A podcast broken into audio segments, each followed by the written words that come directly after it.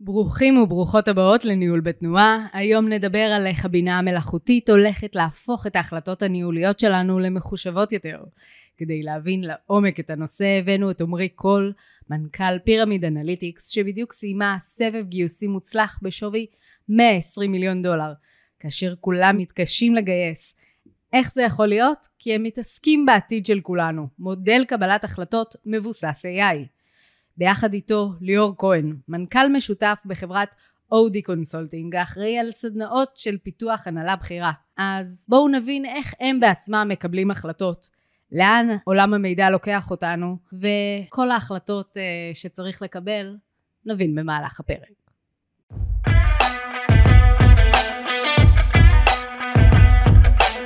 ניהול בתנועה, הפודקאסט לקבלת החלטות טובה יותר בפקק העסקי, מבית OD Consulting.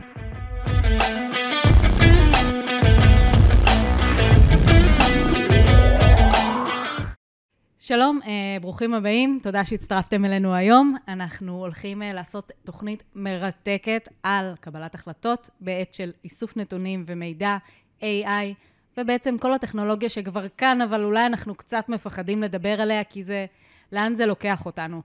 אה, בשביל זה אה, נמצא איתנו היום אה, ליאור כהן, מנכ"ל משותף בחברת OD Consulting.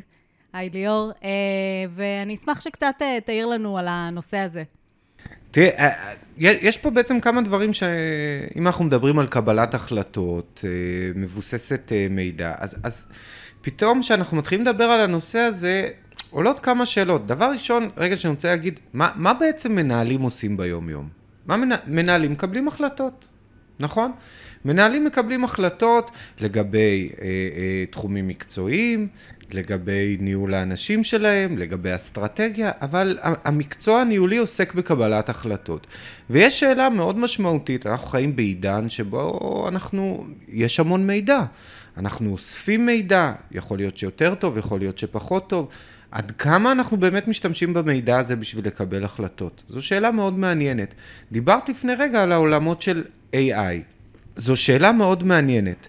איך אנחנו אה, משתמשים בידע ובמידע הקיים, או איך מנהלים משתמשים בידע ובמידע הקיים בשביל לקבל החלטות טובות יותר, אפקטיביות יותר, בעידן שבו אנחנו כל הזמן, יש המון שינויים, אה, כל, כל העולם של ווקה, אה, מה שנקרא. אוקיי? מה זו... זה עולם של ווקה למי שלא מכיר? ווקה הם, הם ראשי תיבות אה, ש, שיצר הצבא האמריקאי עוד באפגניסטן של שנות ה-70, אבל זה בעצם ראשי תיבות של וולטיליטי, זאת אומרת תנודתיות מאוד מאוד גבוהה. כל מי שמסתכל היום על שוק ההון רואה איך שמניות עולות 15% ביום ויום אחרי זה יורדות 20%, יש מדד, מדד ה-V אינדקס אה, ש, שמדבר על תנודתיות של מניות, אנחנו רואים שהוא הוא, הוא מאוד חזק, נקרא גם אה, אה, מדד הפחד, אבל בעצם אנחנו חיים בעידן של תנודתיות מאוד גבוהה, uncertainty, אי ודאות.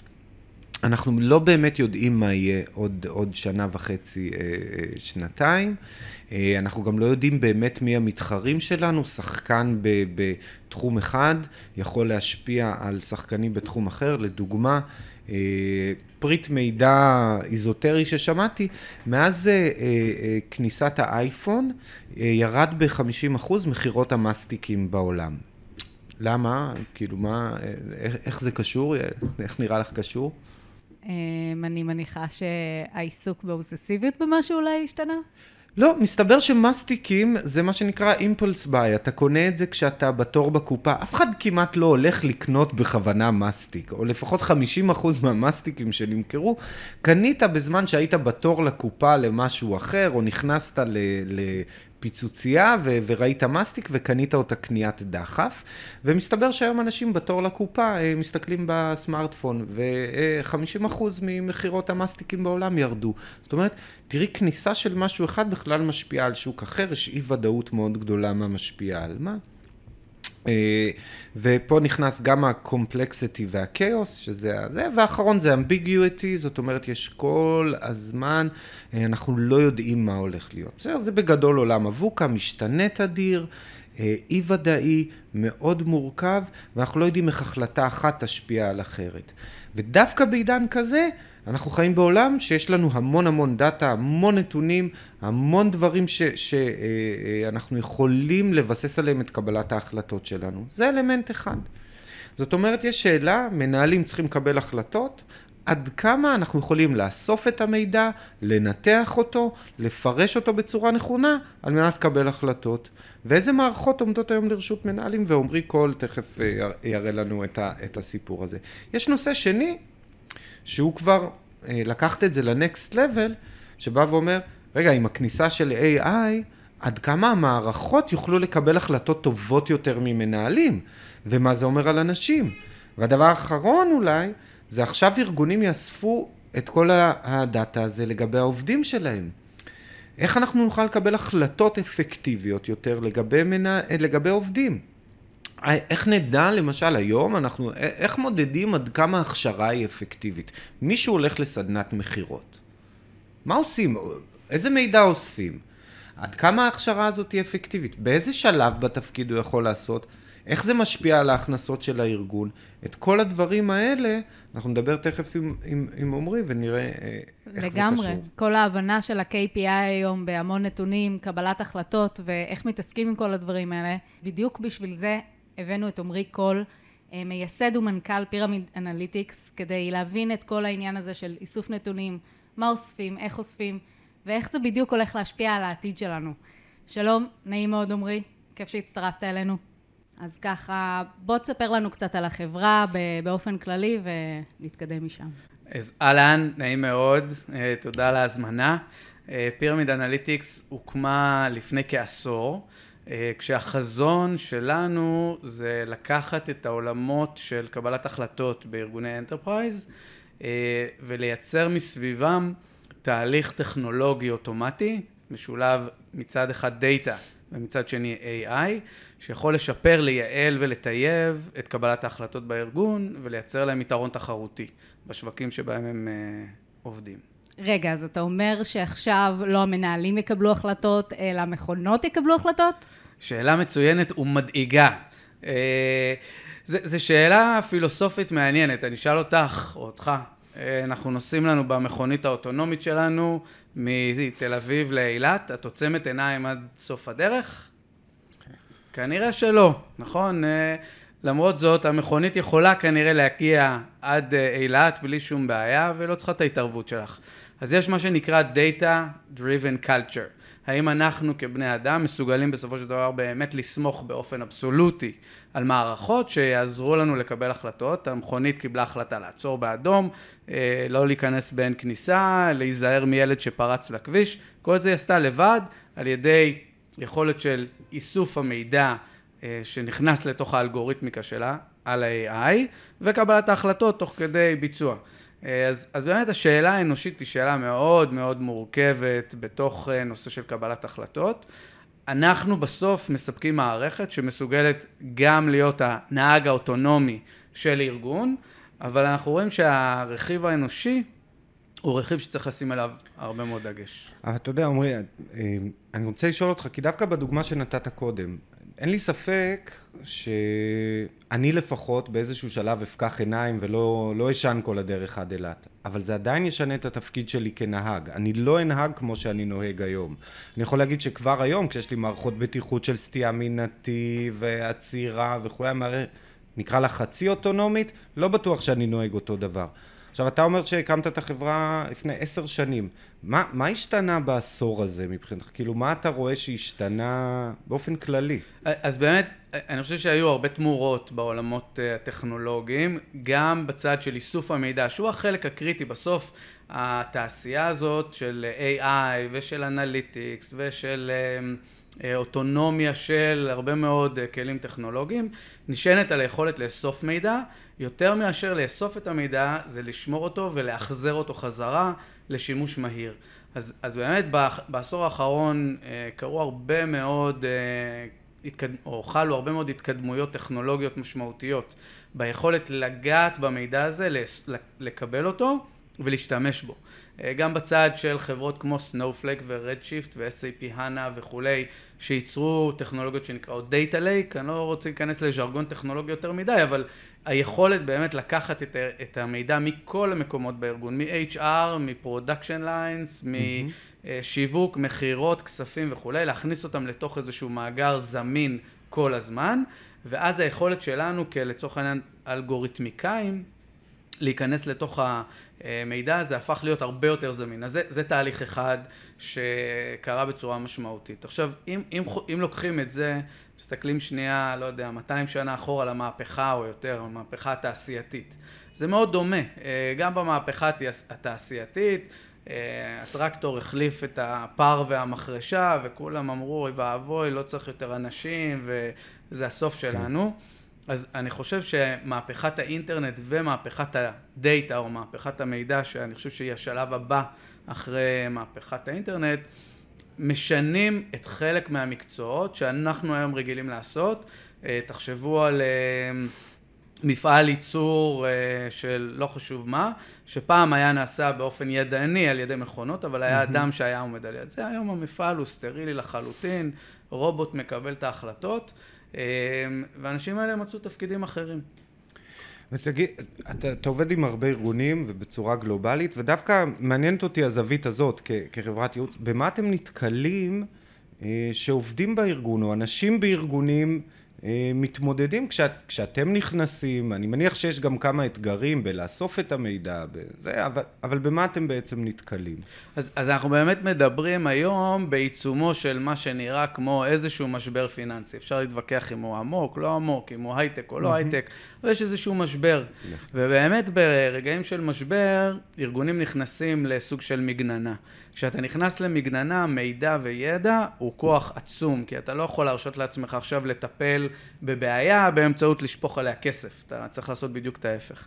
אז באמת, קודם כל אנחנו רואים אה, שזה נורא תלוי מציאות, ובמציאות אה, שאנחנו נמצאים בה היום, ארגונים חייבים להבין איך הארגון שלהם עובד, מתנהג, נניח בעולמות ה-HR, אם זה retention של עובדים, שימור עובדים, אם זה צורך אה, לא עלינו אה, להיפרד מעובדים מסוימים כי אנחנו צריכים לעשות צמצומים, אז אנחנו יכולים לקבל החלטה מהבטן שבואו נחתוך עשרה אחוז מכוח האדם ושלום ולהתראות, אבל זה כנראה יהיה פחות יעיל מאשר בפינצטה להבין איפה האזורים שבהם אנחנו פחות יעילים, פחות תורמים לפריון של הארגון אה, וכל הדבר הזה קורה באמצעות כלים טכנולוגיים, בטח באמצעות פלטפורמות של אנליטיקס שמשולבות אה, ב-AI. אז, אז זה מקום אחד שאפשר להתייחס לנקודת הזמן של היום. השלב הבא, או התמונה היותר כללית, זה העולם של scaling. הארגונים צריכים לעשות כל הזמן יותר ויותר פעולות, חוצות ארגון, כדי לגדול, כדי לייצר יתרון תחרותי, כדי לייצר יותר, לייצר יותר יעיל, כדי uh, לשפר את המיקום והמיצוב שלהם בשווקים שונים ומשונים.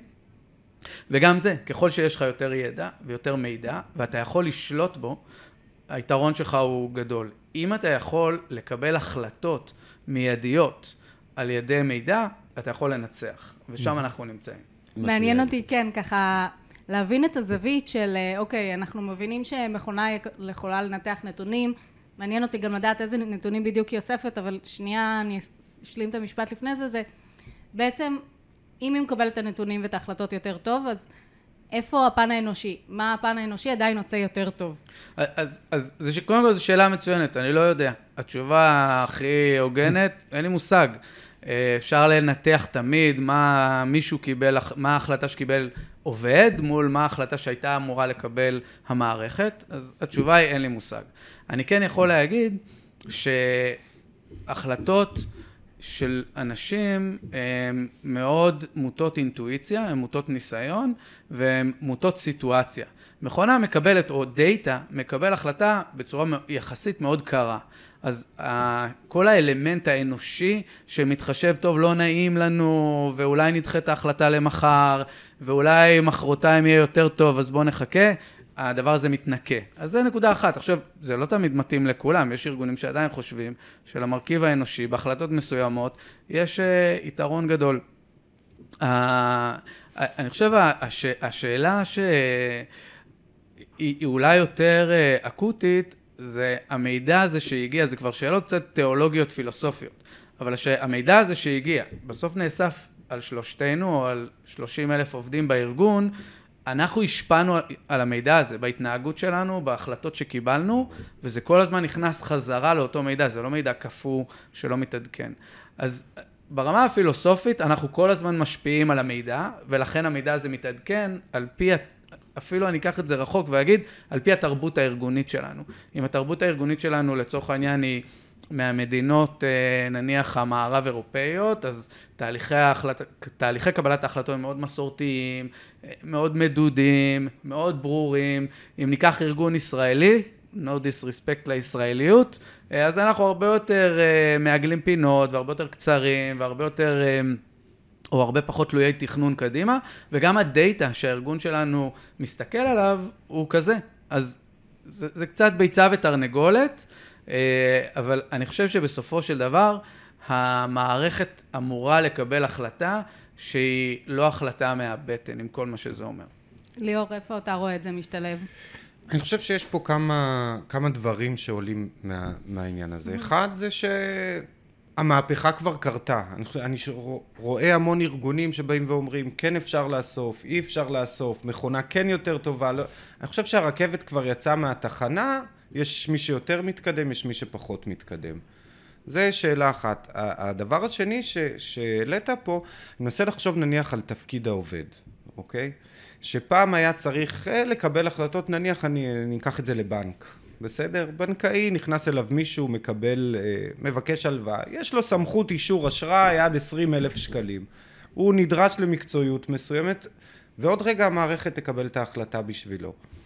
אז דבר ראשון שאני חושב, זה, זה אנחנו באיזושהי תקופת ביניים, שגם יש איזשהו פער בין היכולות של האנשים שעובדים בארגון, לבין היכולת באמת לעבוד, אפילו להזין את המידע למערכות האלה, אפילו, אז, אז אנחנו באיזושהי תקופת ביניים של פער ש, שהיא מעניינת. אני רואה באמת המון ארגונים משקיעים, אני חושב שלא מספיק, אני חושב שלא כל כך מצליחים, במה שנקרא upskilling ו reskilling של עובדים.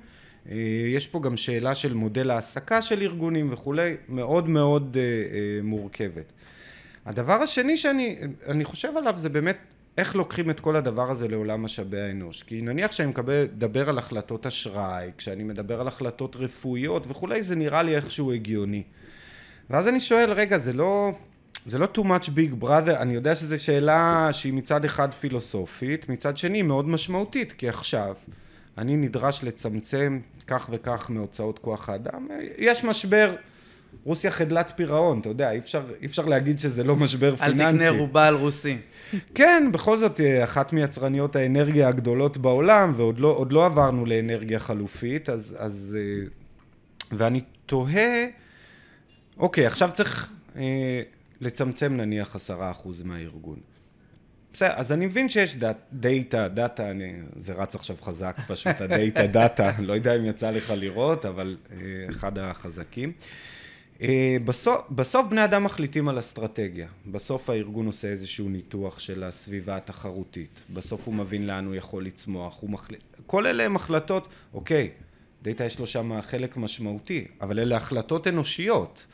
עד, עד כמה אתה רואה את זה ממשיך ככה, או משתנה בהמשך? זה, זה השאלות ככה שמעניינות. מה רצית להוסיף? אני רוצה לשמוע, ואני רוצה לשמוע גם איך אתה מקבל החלטות. או, זה ש... רק מהבטן, דרך אגב. אה, אז קודם כל, אני חושב שבמציאות, בהווה, אנחנו תמיד בנקודת ביניים. תמיד יש עבר ויש עתיד, ואנחנו את ההווה חיים באיזושהי אה, פשרה, שחלקה... טובה וחלקה אולי פחות אה, מוצלחת. אז אני, אני חושב,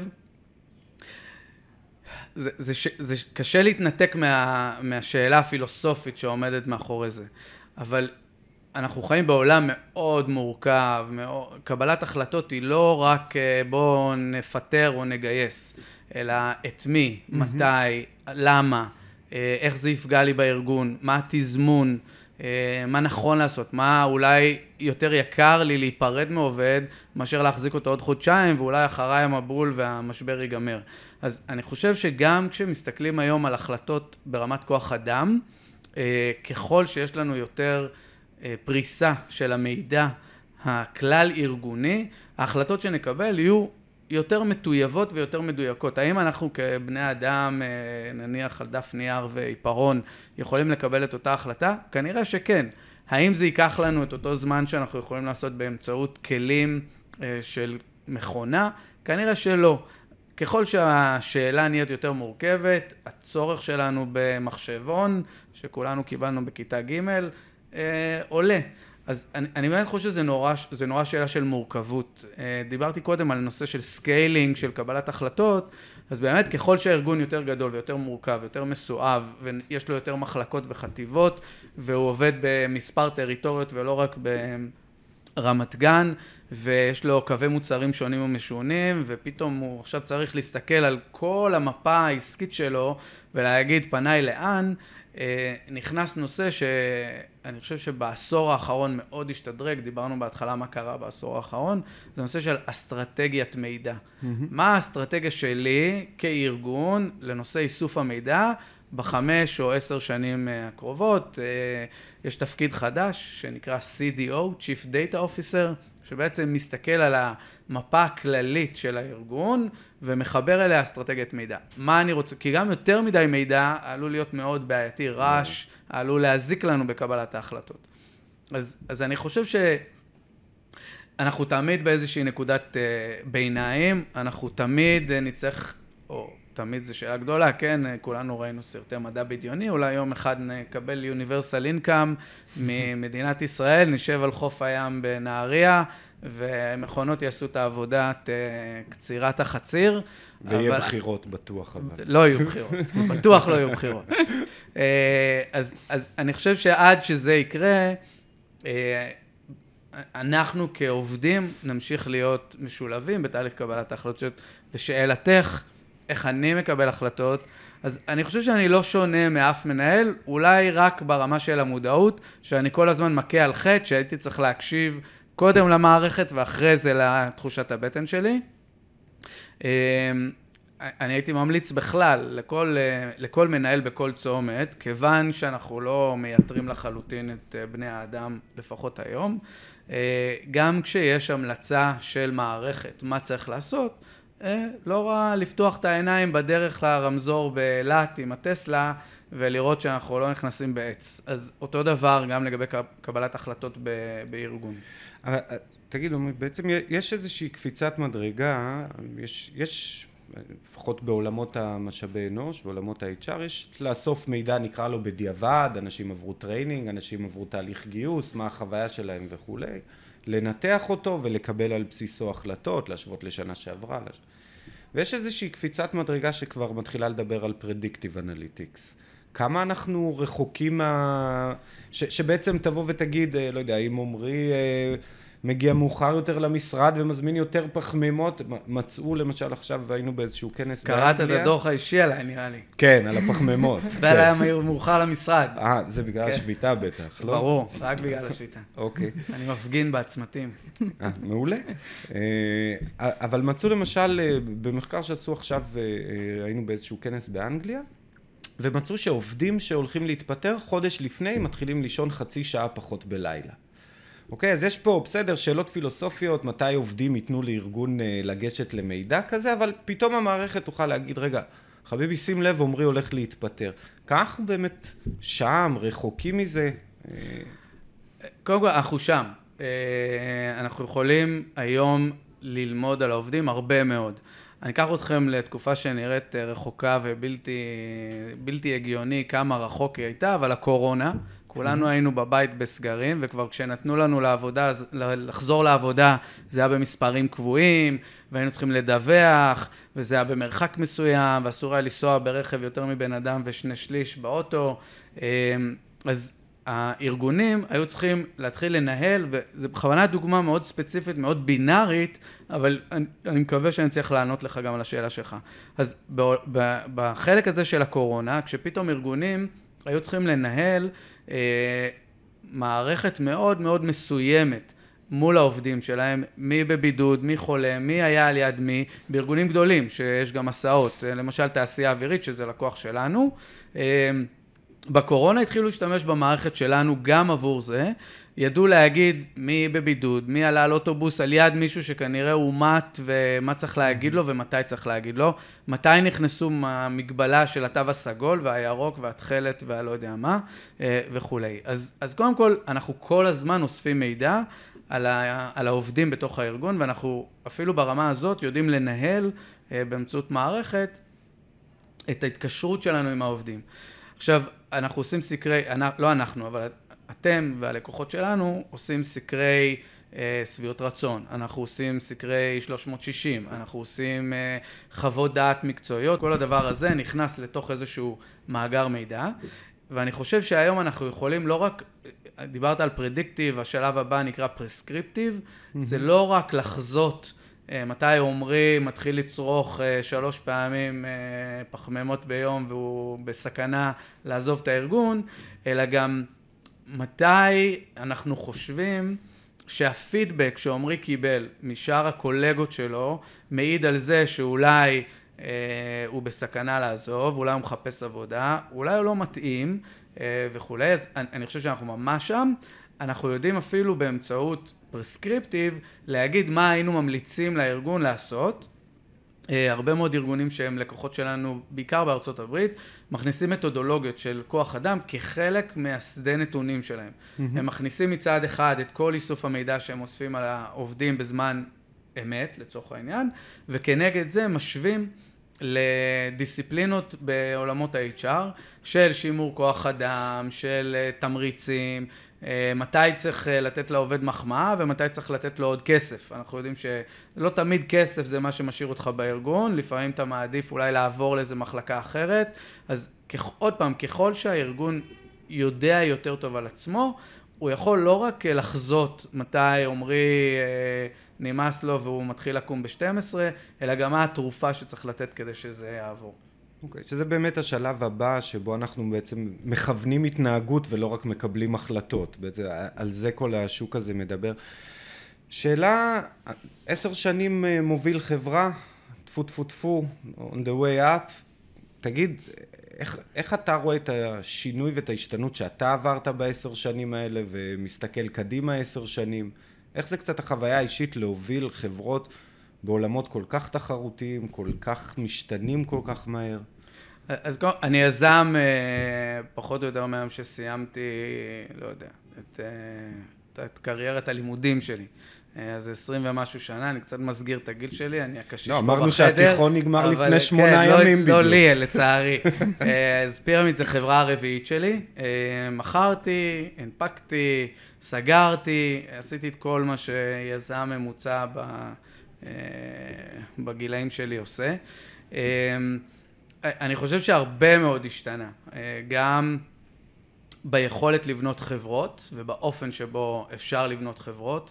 אני חושב שתעשיית ההייטק בישראל השתנתה והשתדרגה בצורה משמעותית. נהגו לדבר אלינו בתור החצופים עם הטכנולוגיה שלא יודעים לעשות שיווק ולא יודעים mm-hmm. לעשות שום דבר חוץ מאשר לחבר כמה שורות קוד ולזרוק את זה באיזה אקזיט חמוד לאיזה חברה אמריקאית, אז אני חושב שזה כבר מאוד לא נכון.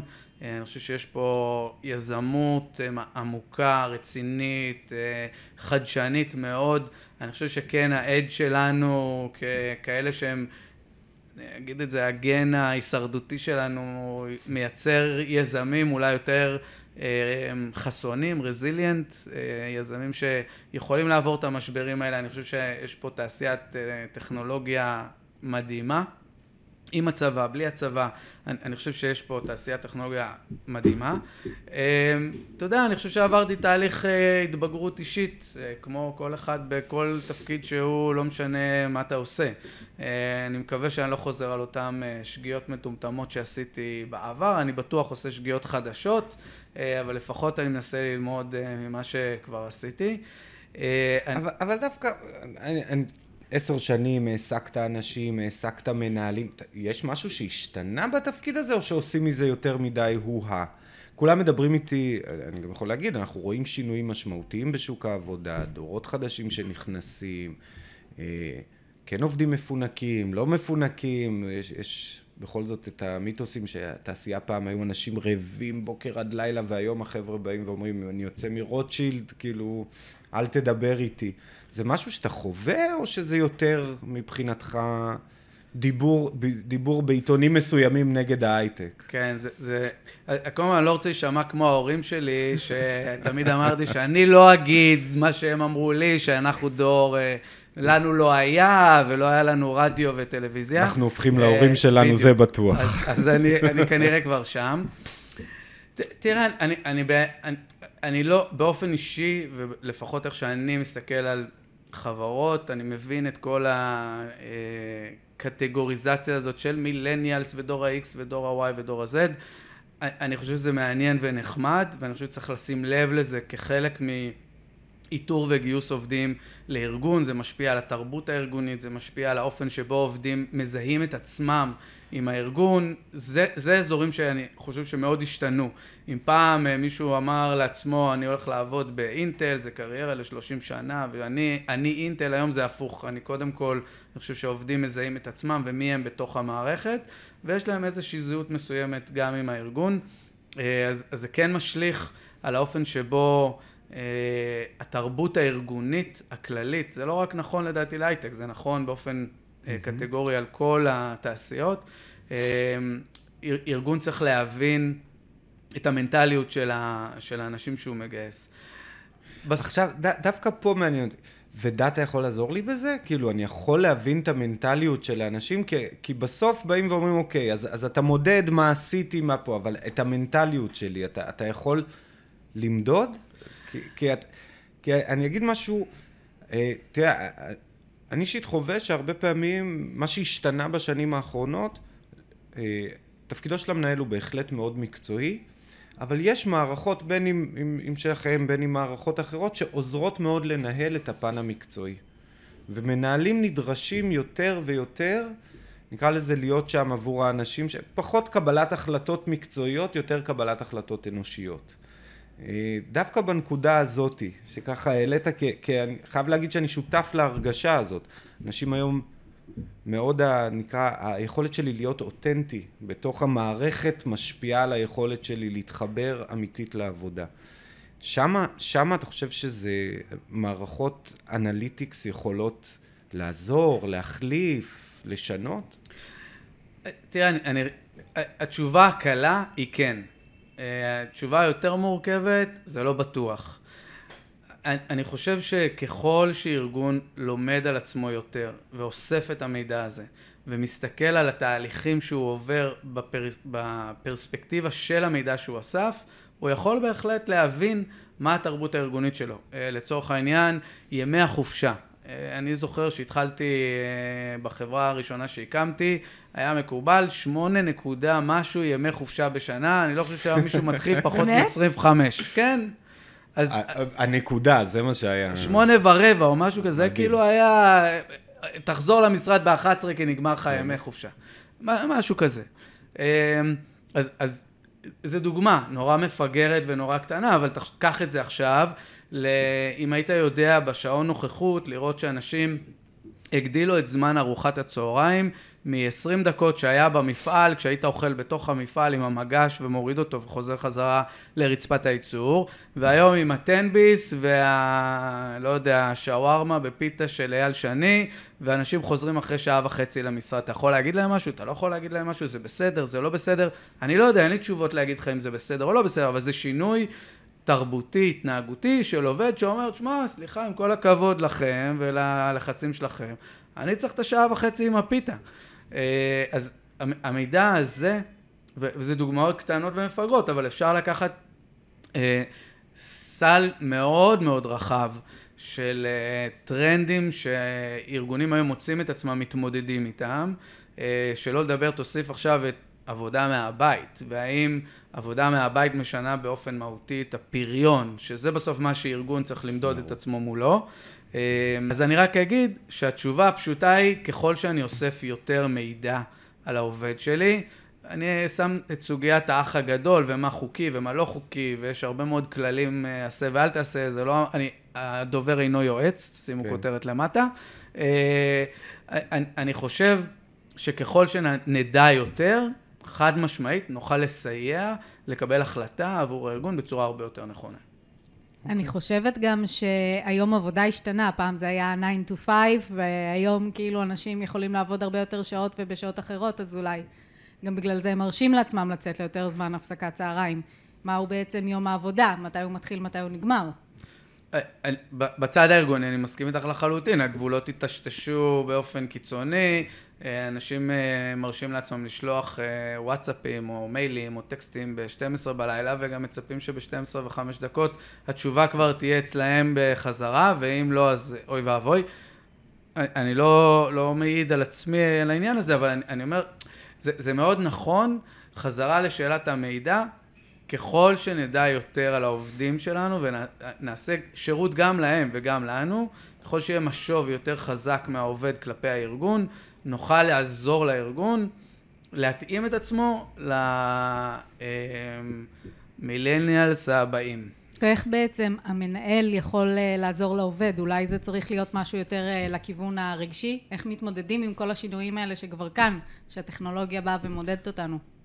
אז קודם כל, יש פה מומחה יותר גדול ממני למשאבי אנוש וניהול כוח אדם. אני רק, אני רק יכול להגיד, שאלת אותי על כמנהל בתוך התעשייה הזאת, אין נוסחת קסם. אנשים זה אנשים, ומנהל צריך להיות מאוד קשוב ומאוד רגיש לתהליכים שהארגון שלו עובר. ארגונים גדלים, ארגונים מצטמצמים, ארגונים מזיזים את הפוקוס שלהם ממקום אחד למקום שני. הדברים האלה משפיעים על אנשים בתוך הארגון. אני חושב שבמובן הזה,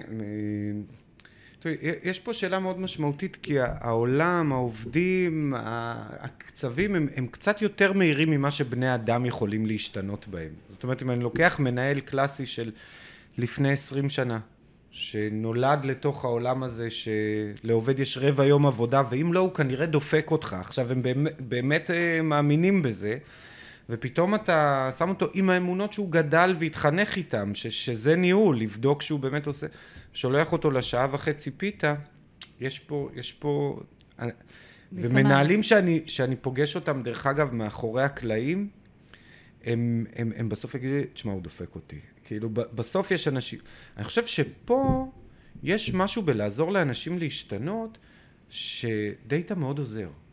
אני, אני רגע אסביר למה אני מתכוון, זאת אומרת, אם יש לך דרך לוודא את הדבר הזה, אתה יכול לשחרר כל מיני פרדיגמות שהיו לך שמאוד מאוד מאוד עוזרות.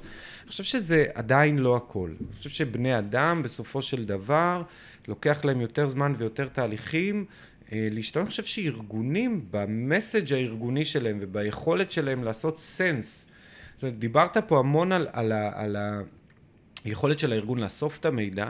חושב שיש תפקיד מנהיגותי שפחות דיברנו עליו, שהוא לעשות, לעשות sense מכל המידע הזה, או, או sense making נקרא לזה, ולדעת גם איך, איך המידע הזה עושה sense לאנשים בארגון, ללקוחות, ולהשתמש במידע הזה ככלי מנהיגותי.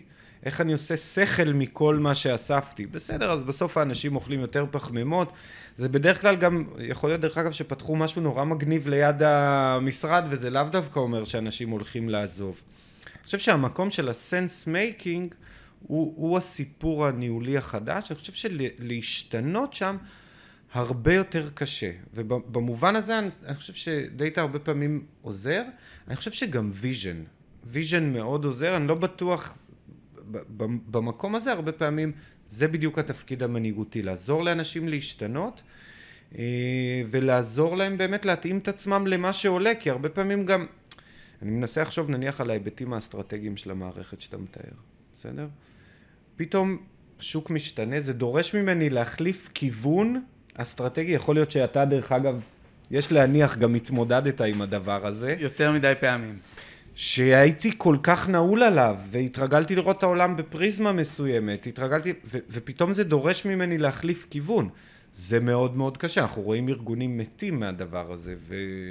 אז א', על הקטע הזה שאפו, אבל דווקא מעניין אותי עד, עד כמה באמת זה משהו שאתה מתמודד איתו, צריך לעשות שינויים חדים, עד כמה דאטה שם נכנס, ל... עד, עד כמה זה עוזר לאנשים לעשות את זה? כי, כי אני פוגש שזה מאוד קשה לאנשים לעשות את הדבר הזה. אז, אז קודם כל, נראה לי שכבר ביססנו את, ה, אה, את זה שאני מאוד מאמין שדאטה היום מאפשר לעשות הכל. הוא התשתית.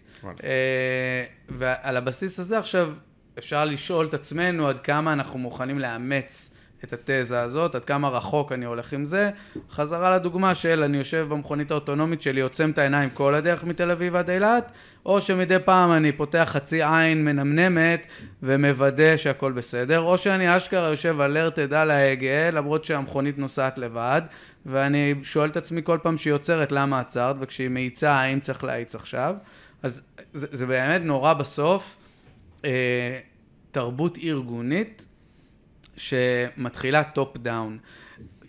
חזרה למה שסיפרת ולשאלה שאתה שואל, אז באמת אנחנו רואים שארגונים שההנהלה או ההנהגה אה, מהבורד ומטה קיבלו החלטה שהארגון הופך להיות data driven, הארגון הפך להיות data driven. כשזה התחיל bottoms up, כשהמנהלים אמרו, אה, עזוב אותך עם האנליסט הזה, תעשה לי טובה, תסדר פה איזה 2% הנחה, תראה שיקנו ממך כבר את המוצר, זה לא עבד.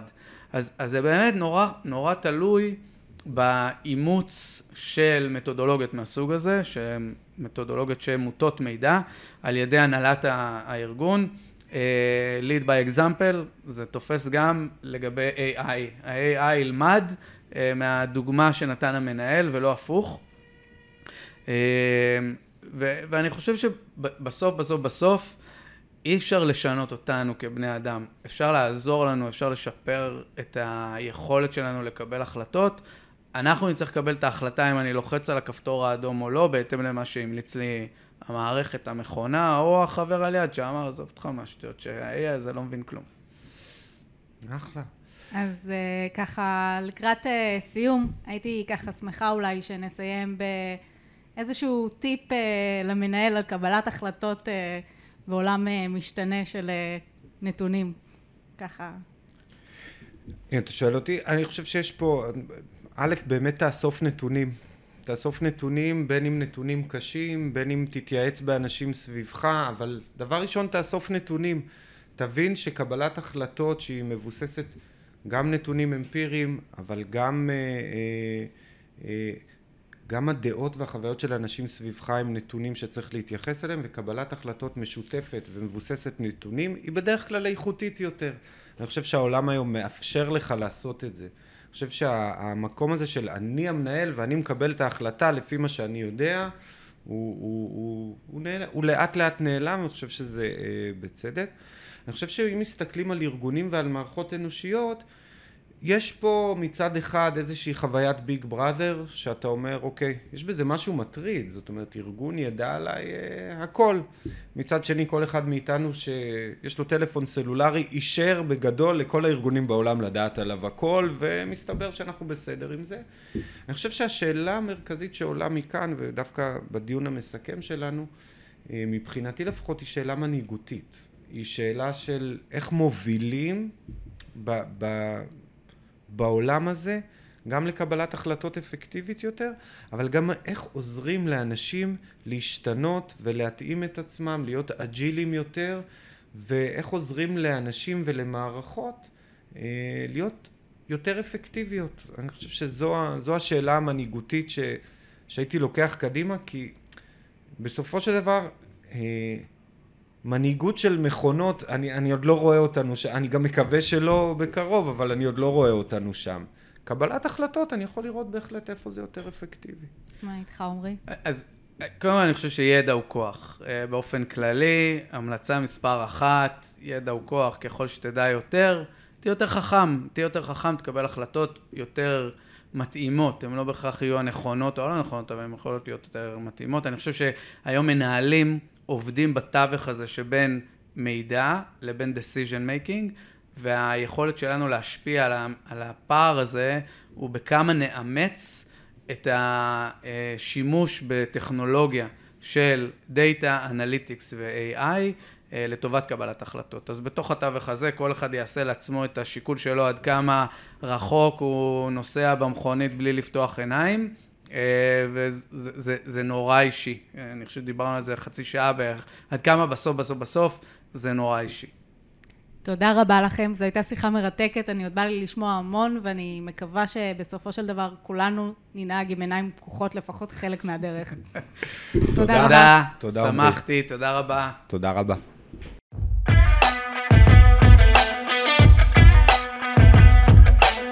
ניהול בתנועה, הפודקאסט לקבלת החלטות טובה יותר בפקק העסקי, מבית אודי קונסלטינג.